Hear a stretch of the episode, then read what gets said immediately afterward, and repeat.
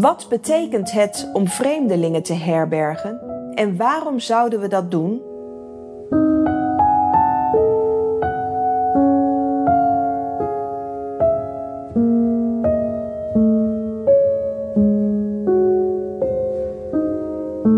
In een serie van zeven podcasts bespreekt Arthur Alderliesten de zeven werken van barmhartigheid met het oog op het leven in crisistijd. Hij verbindt die met reflecties vanuit het leven en werk van Dietrich Bonhoeffer.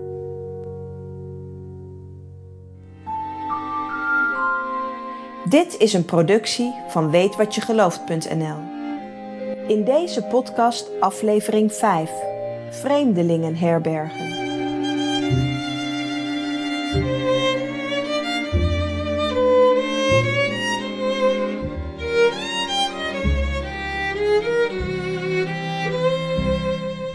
Wat voor de media nieuws is, wordt bepaald door een aantal factoren.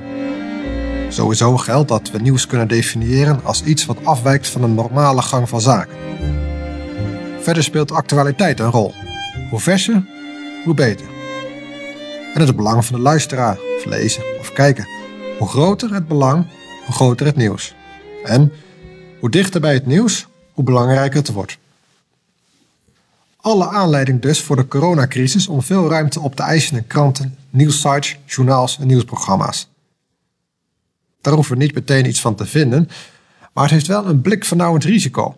Namelijk dat ons zicht op de actuele werkelijkheid waarin we leven wordt beperkt tot wat de media ons voorschotelen op grond van enkele factoren die ik zojuist noemde. Maar iemand die barmhartig wil leven, neemt ermee geen genoegen. Dat lijkt me in elk geval al een les van het werk van barmhartigheid om vreemdelingen te herbergen. Zorg voor vreemdelingen is onverminderd nodig. Ook al slokken andere zaken, die ons van nabij raken, ons op. Wat betekent het om vreemdelingen te herbergen? En waarom zouden we dat doen?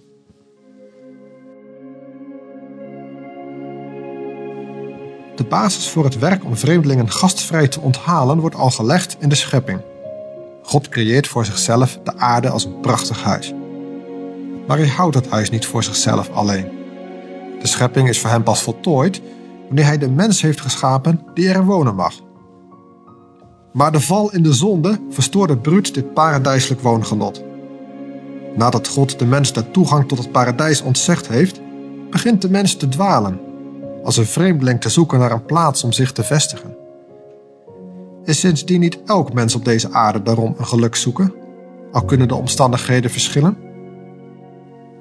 Gods tot asielzoeker geworden bondgenoten mogen er wonen en haar cultiveren. En in die gedeelde opdracht ontmoet de ene dolende mens de andere. Genesis 18 lezen we hoe dat er in de oude tijd aan toe kon gaan. Speciaal voor de drie vreemdelingen die zich ongevraagd melden bij zijn tent, laat Abraham zijn vrouw Sarah een aantal koeken bakken. Ondertussen loopt hij snel naar zijn kudde, zoekt een mooi kalf uit, laat het zijn knecht bereiden en biedt zijn gasten een uitgebreide maaltijd aan. Wat een tijd en aandacht heeft Abraham voor zijn gasten. Maar vreemdelingen herbergen gaat verder dan een gastvrij onthaal.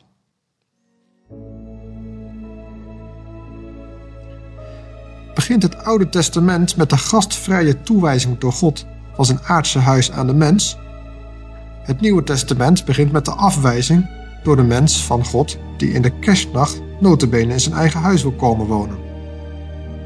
Jozef en Maria met een ongeboren kindje kunnen geen plekje vinden om tot rust te komen en te bevallen. Vanwege de moordlustige koning Herodes moet Jezus als een ongewenste baby vluchten naar Egypte. Ook als een volwassen man voelt hij zich een vreemdeling, die, in tegenstelling tot de vogels die hun nesten hebben, niets heeft om zijn hoofd op neer te leggen. Jezus vat de zorg voor de vreemdeling breder op dan patriarch Abraham. Niet alleen de vreemdeling liefhebben, zelfs je vijand. Ook de gastvrijheid die je bij Abraham tegenkomt, trekt hij verder door. Niet alleen vreemdelingen zijn welkom aan de tafel van de heiland, ook zondaars, die door de meeste mensen worden genegeerd. Als geen ander biedt hij een dak voor lichaam en ziel. In 1933 wordt Dietrich Bonhoeffer predikant van de Duitsstalige gemeente in Londen. In deze periode voor het uitbreken van de Tweede Wereldoorlog, komen veel vluchtelingen vanuit Duitsland naar de Engelse hoofdstad. Bonhoeffer ontwikkelt daar het idee om vluchtelingenkinderen onder te brengen bij gezinnen uit zijn gemeente.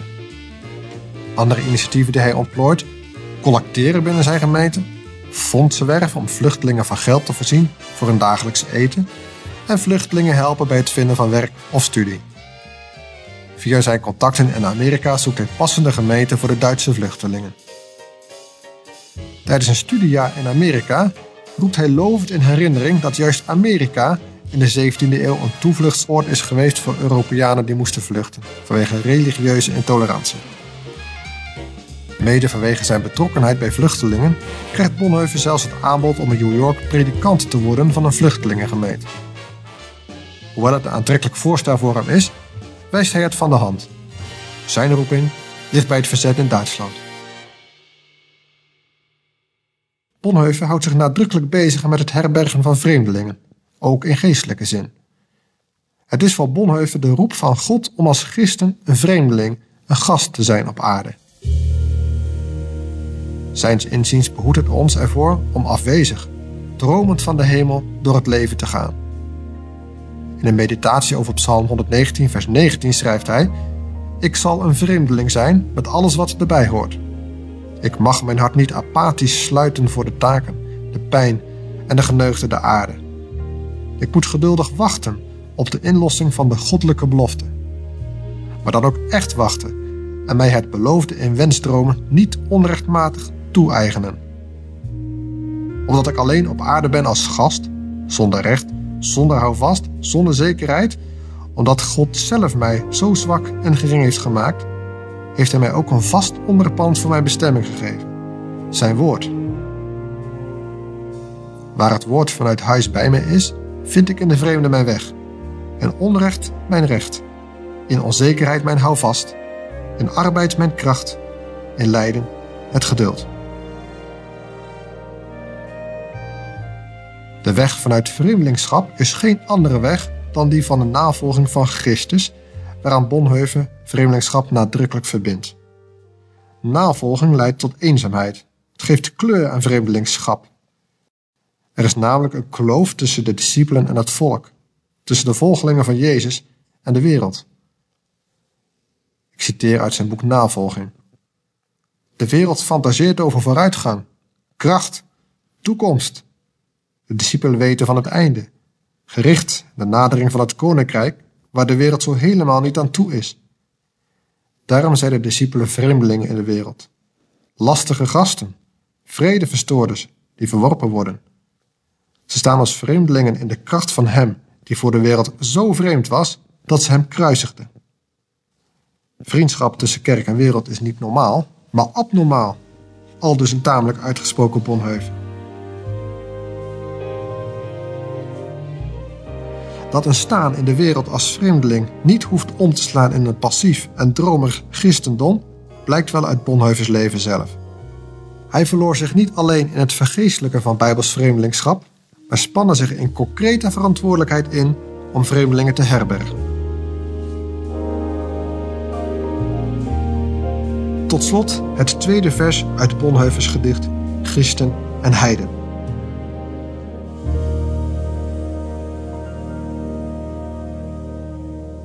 Mensen gaan tot God in zijn nood. Vinden hem arm, veracht, zonder huis en brood. Zien hem verzwolgen door zonde, zwakheid en dood.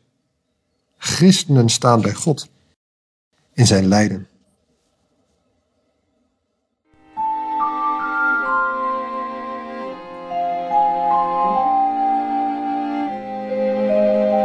Dit was aflevering 5 uit een serie van 7 podcasts over barmhartig leven in crisistijd. Meer weten? Bestel het boekje Barmhartig Leven. De zeven werken van barmhartigheid.